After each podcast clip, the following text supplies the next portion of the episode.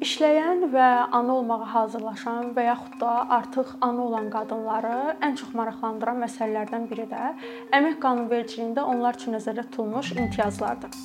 Məsələn, deyək ki, məzuniyyət hüququ, məzuniyyət zamanı pulun hesablanması, iş günü və s. Mən çalışacağam bu gün bu mövzular ətrafında danışam.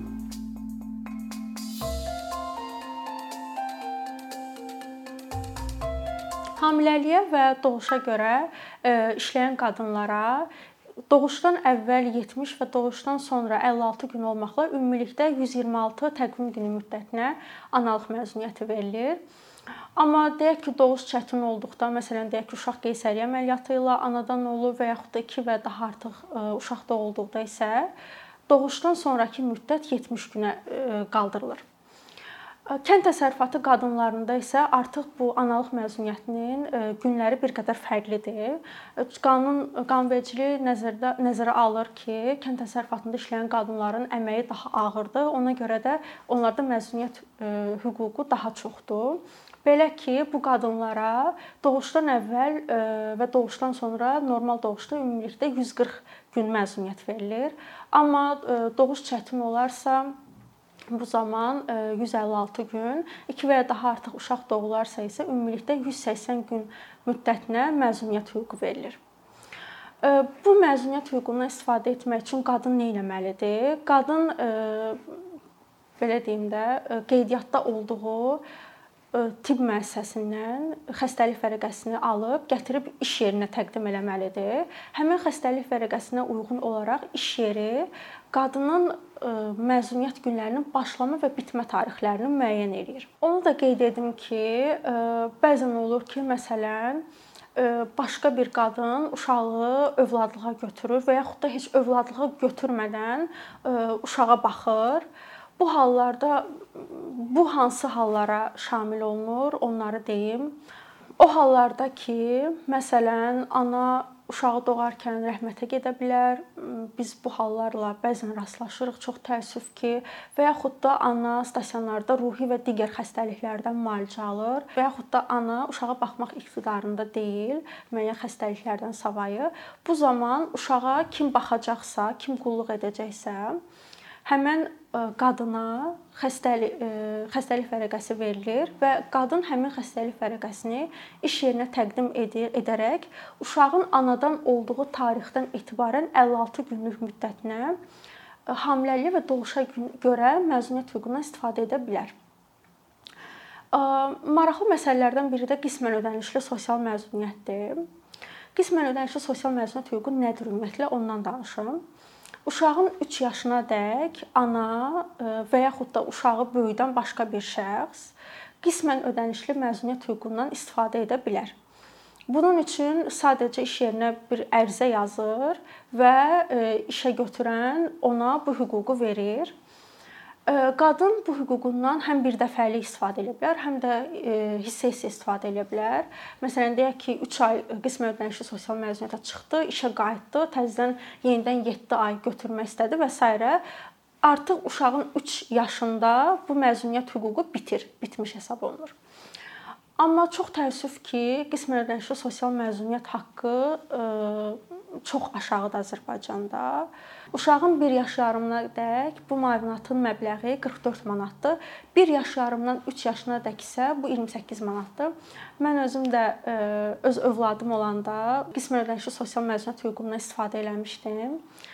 Amma gördüm ki, 2 ay müddətdən sonra mən artıq e, uşağın ehtiyaclarını qarşılaya bilmirəm. Çünki mən artıq əmək haqqı almıram və aldığım ayda 44 manat puldur və məcbur oldum yenidən işə qayıtdım. Və mənim kimi xeyli qadın var ki, bu məbləğ onların e, nə özlərinin, nə də uşaqlarının ehtiyaclarını ödəmədiyinə görə məcbur uşaqlarını daya tutur və yaxud da bir qohum əqrabası ilə danışır, uşaqlarını uşağı ona təhvil verirlər və yaxud da bağçaya daha tez vermək məcburiyyətində qalırlar. E, ona görə də e, bu məbləğ analar üçün o qədər də arzu olunan bir məbləğ deyil. Təəssüf ki, bu il bir çox müavinatlar artırılsa da, qismən ödənişli sosial müavinat məbləği hələ də artırılmayıb.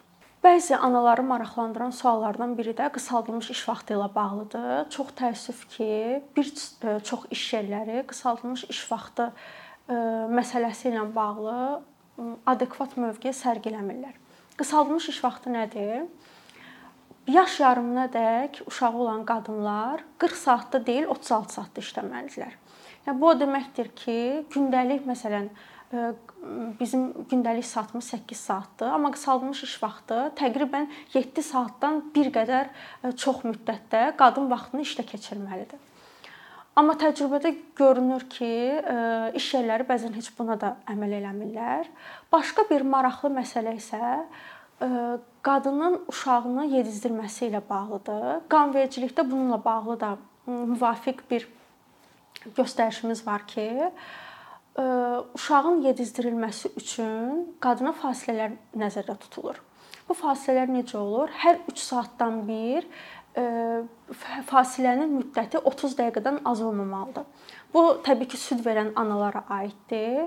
Amma ola bilər ki, məsələn, qadının iş yeri və ev arasında məsafə çox uzundur, uzaqdır və hər dəfə o gedib evinə gedib uşağını yedizdirib işə qayıtmaq iqtidarında deyil. Bu zaman qadın müəssisəsindən xahiş edə bilər ki, ya müdirdən xahiş edə bilər ki, bu fasilələri birləşdirib ya iş gününün əvvəlində və yaxud da sonunda və yaxud da yemək vaxtına birləşdirsin. Bu artıq e, məsələn deyək ki, qadın hər gün işə 9-da gəlirdisə, artıq o 9-da yox, 10-da gələ bilər. Və yaxud da belə deyim də, e, bizdə onsuz da e, qısaldılmış iş vaxtında işləyirdi qadınlar, uşağın yaşlarınadək. Artıq əgər qadın bunu işdən çıxma vaxtına birləşdirmək istəsə, artıq deyək ki, 6-da deyil, 5-də çıxa bilər. Bunu da iş yerlərinin çoxu bu məsələyə əməl eləmirlər. Hətta insan resursları şöbəsində işləyən bir çox şəxslərin mən bir neçə nəfərlə danışmışam. Hətta bunların xəbərləri belə yoxdur. Çox təəssüfləndirici bir haldır. Qadın hamilə olduqda aydındır ki, o tez-tez müayinələrdən keçməlidir. Eyni zamanda da uşaq da yeni doğulduqda həkim nəzarət altında olmalıdır. Qanunvericilik bu məsələdən də yan keçməyib birbaşa deyir ki, qadın hamilə olduqda və uşağın yaş yarımınadək iş yeri ona həkim nəzarətindən keçməsi üçün imkan yaratmalıdır. Mənim bir rəfiqəm var idi. O bunu bilmirdi. Biz təsadüfən bir söhbət düşdü. O dedi ki, mən 2 dəfə həkimə getmək üçün müdirdən icazə almışam. Artıq 3-cü dəfə icazə almaq istəyəndə müdir mənə belə yarı zarafat, yarı gerçək deyir ki, yəni nə vaxta qədər bu belə davam eləyəcək, iş dayanır və s. yaxşı, bəs biz bunun əvəzini sonra necə ödəyək? Mən ona izah elədim ki, bu işə götürənin birbaşa öhdəliyidir. Qanun onun üzərinə bir öhdəlik qoyub ki, əgər sənin işçin hamilədirsə və yaxud da e, az yaşlı uşağı varsa, e, o e, heç bir problemsiz həkimə getməlidir və bu zaman onun orta aylıq əmək haqqı da saxlanılır. Yəni əmək haqqında heç bir azalma və ya da əmək haqqından tutulmalar və s. bu halda tətbiq oluna bilməz. Bizə tez-tez suallar gəlir. Qadınlar müraciət eləyirlər ki, mən hamiləlik və doğuşa görə müavinatım necə hesablanacaq? Onu deyim ki, Birincisi, qanun tələbi odur ki, 6 aylıq qadının sosial stajı olmalıdır. Bu nə deməkdir? Yəni 6 ay ərzində DSMF-yə qadının maaşından pul köçürülməlidir. Əgər bu 6 ay ərzində bu pul köçürülməyibsə, o deməkdir ki, qadın artıq müavinət ala bilməyəcək. Bunu bu ən çox problemli məsələlərdən biridir Hətta bəzən iş yerləri elə başa düşürlər ki, əgər qadının 6 aylıq e, sosial stajı yoxdursa, heç ona e, məzuniyyət hüququ da düşmür. Bu kökündən yanlış bir məsələdir. O həmin qadınlara məzuniyyət hüququ verilməlidir, amma müavinət verilməyəcək. E, müavinət nə zaman veriləcək? Dediyim kimi 6 aylıq sosial stajı varsa. Amma əgər qadının 12 ay ərzində məsələn olur ki, bəzən qadınlar müraciət edirlər ki, mən 12 aydır işləmirəm, 7 aydır ki, işə başlamışam və yaxud da qismən ödənişli sosial məzuniyyətdə idim. Bu zaman necə hesablanacaq? Əgər 12 ay ərzində bu qadın maaş almayıbsa, o zaman minimum aylıq əmək haqqına görə hesablama aparılacaq. Hal-hazırda Azərbaycanda minimum aylıq əmək haqqı 2022-ci il 1 yanvardan etibarən 300 manatdır. Amma artıq onun 12 aylıq stajı varsa, yəni 12 ay bu qadın maaş alıbsa, o zaman adi qaydada bu hesablanacaq. Başqa bir məsələ nədən ibarətdir? Qadın iki iş yerində işləyə bilər. Əvəzçilik üzrə biz buna deyirik. Həm əsas, həm əlavə bir iş yeri ola bilər. Bu zaman həm əsas iş yerində, həm də əlavə iş yerində aldığı maaşa görə hesablanır. Amma burada da bir maraqlı məsələ ondan ibarətdir ki, məsələn deyək ki, qadın əsas iş yerində alır 350 manat, əlavə iş yerində alır 1000 manat. Bu zaman əsas iş yerində aldığı maaşın iki qatından çox o müavinət ala bilməz. Yəni orada 1000 manat alsa belə qadının aldığı 700 manatdan artıq olmayacaq. Yəni hesablama 700 manata görə aparılacaq. Bəs deyək ki, biz iş yerimizdə mən bir anayam və yaxud da bir hamiləyəm. Mənim bu sadaladığım hüquqlarım pozulur. Bu halda mən nə edirəm? Bununla bağlı qadın əmək müfəttişliyinə müraciət edə bilər. Dövlət Əmək Müfəttişliyi Əmək və Əhalinin Sosial Müdafiəsi Nazirliyinin nəzdində fəaliyyət göstərir. Siz hüququnuzun pozulduğunu bildiyiniz andan 3 ay müddətinə müfəttişliyə yazılı müraciət edə bilərsiniz və müfəttişlik gəlib sizin iş yerinizdə yoxlamalar aparmalıdır və əgər həqiqətən də müfəttişlik müəyyən etsə ki, sizin hüququnuz pozulub, bu halda artıq iş yerini çox böyük cərimələr gözləyir. Qanunvericiliyə görə qadın artıq hamiləliyin 30-cu həftəsindən analıq məzuniyyətinə çıxmalıdır. Amma bəzən olur ki, qadınlar e, iş yerlərinə bildirirlər ki, mənim e, səhhətimlə bağlı heç bir problem yoxdur, özümü çox da yaxşı hiss eləyirəm. Olar ki, mən hamilə, ə, e, yəni doğuşa qədər işimi davam elətdirim. Bəzi iş yerləri buna razılaşır, amma ə, bu qanuni baxımından düzgün deyil, qanun pozuntusudur. Artıq Hətta bəzən olur ki, qadınlar xəstəlik vərəqəsini belə gec təqdim edirlər. Məsələn, deyək ki, qadın xəstəlik vərəqəsini təqdim etməli idi və 25 fevraldan o artıq analıq məzuniyyətinə çıxmalı idi. Amma qadın bunu təqdim eləyir martın 1-dən. Əgər belə olduğu halda iş yeri onun məzuniyyətinin müddətini 25 fevraldan hesablamalıdır. Və nəticədə o 25 fevral 1 mart arasındakı bu qadının işlədiyi tarixlər hesablanmır. Buna görə qadın heç bir əmək haqqı almır. Ona görə yəni ən düzgünü odur ki, qadınlar diqqətli olsunlar və nəzərə alsınlar ki, 30-cu həftədən artıq onlar öz istirahəti ilə məşğul olmalıdırlar. Yeni doğulacaq körpəsinin hazırlıqlarına başlamalıdırlar.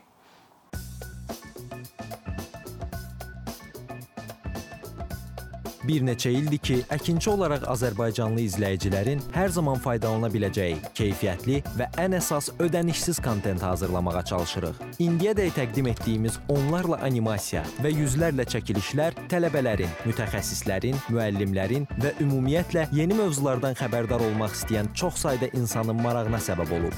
Bu illər ərzində hazırladığımız videolar təhsil, texnologiya, ictimai fəallıq, iqtisadiyyat, gender bərabərliyi, ətraf mühit, ifadə ifadə azadlığı, hüquq, demokratik inkişaf, mədəniyyət və digər mövzuları əhatə edib. Məqsədimiz çoxlu baxış gətirən deyil, çoxlu fayda gətirən videolar hazırlamaqdır. Amma bu düşündüyümüz qədər asan deyilmiş. Gördüyümüz iş kifayət qədər resurs, əmək və təbii ki, davamlılıq tələb edir. Bu səbəbdən Patreon platformasından istifadəyə başladıq. Əkinçinin Patreon hesabının populyarlaşmasına çox böyük ümidlərimiz və gözləntilərimiz var.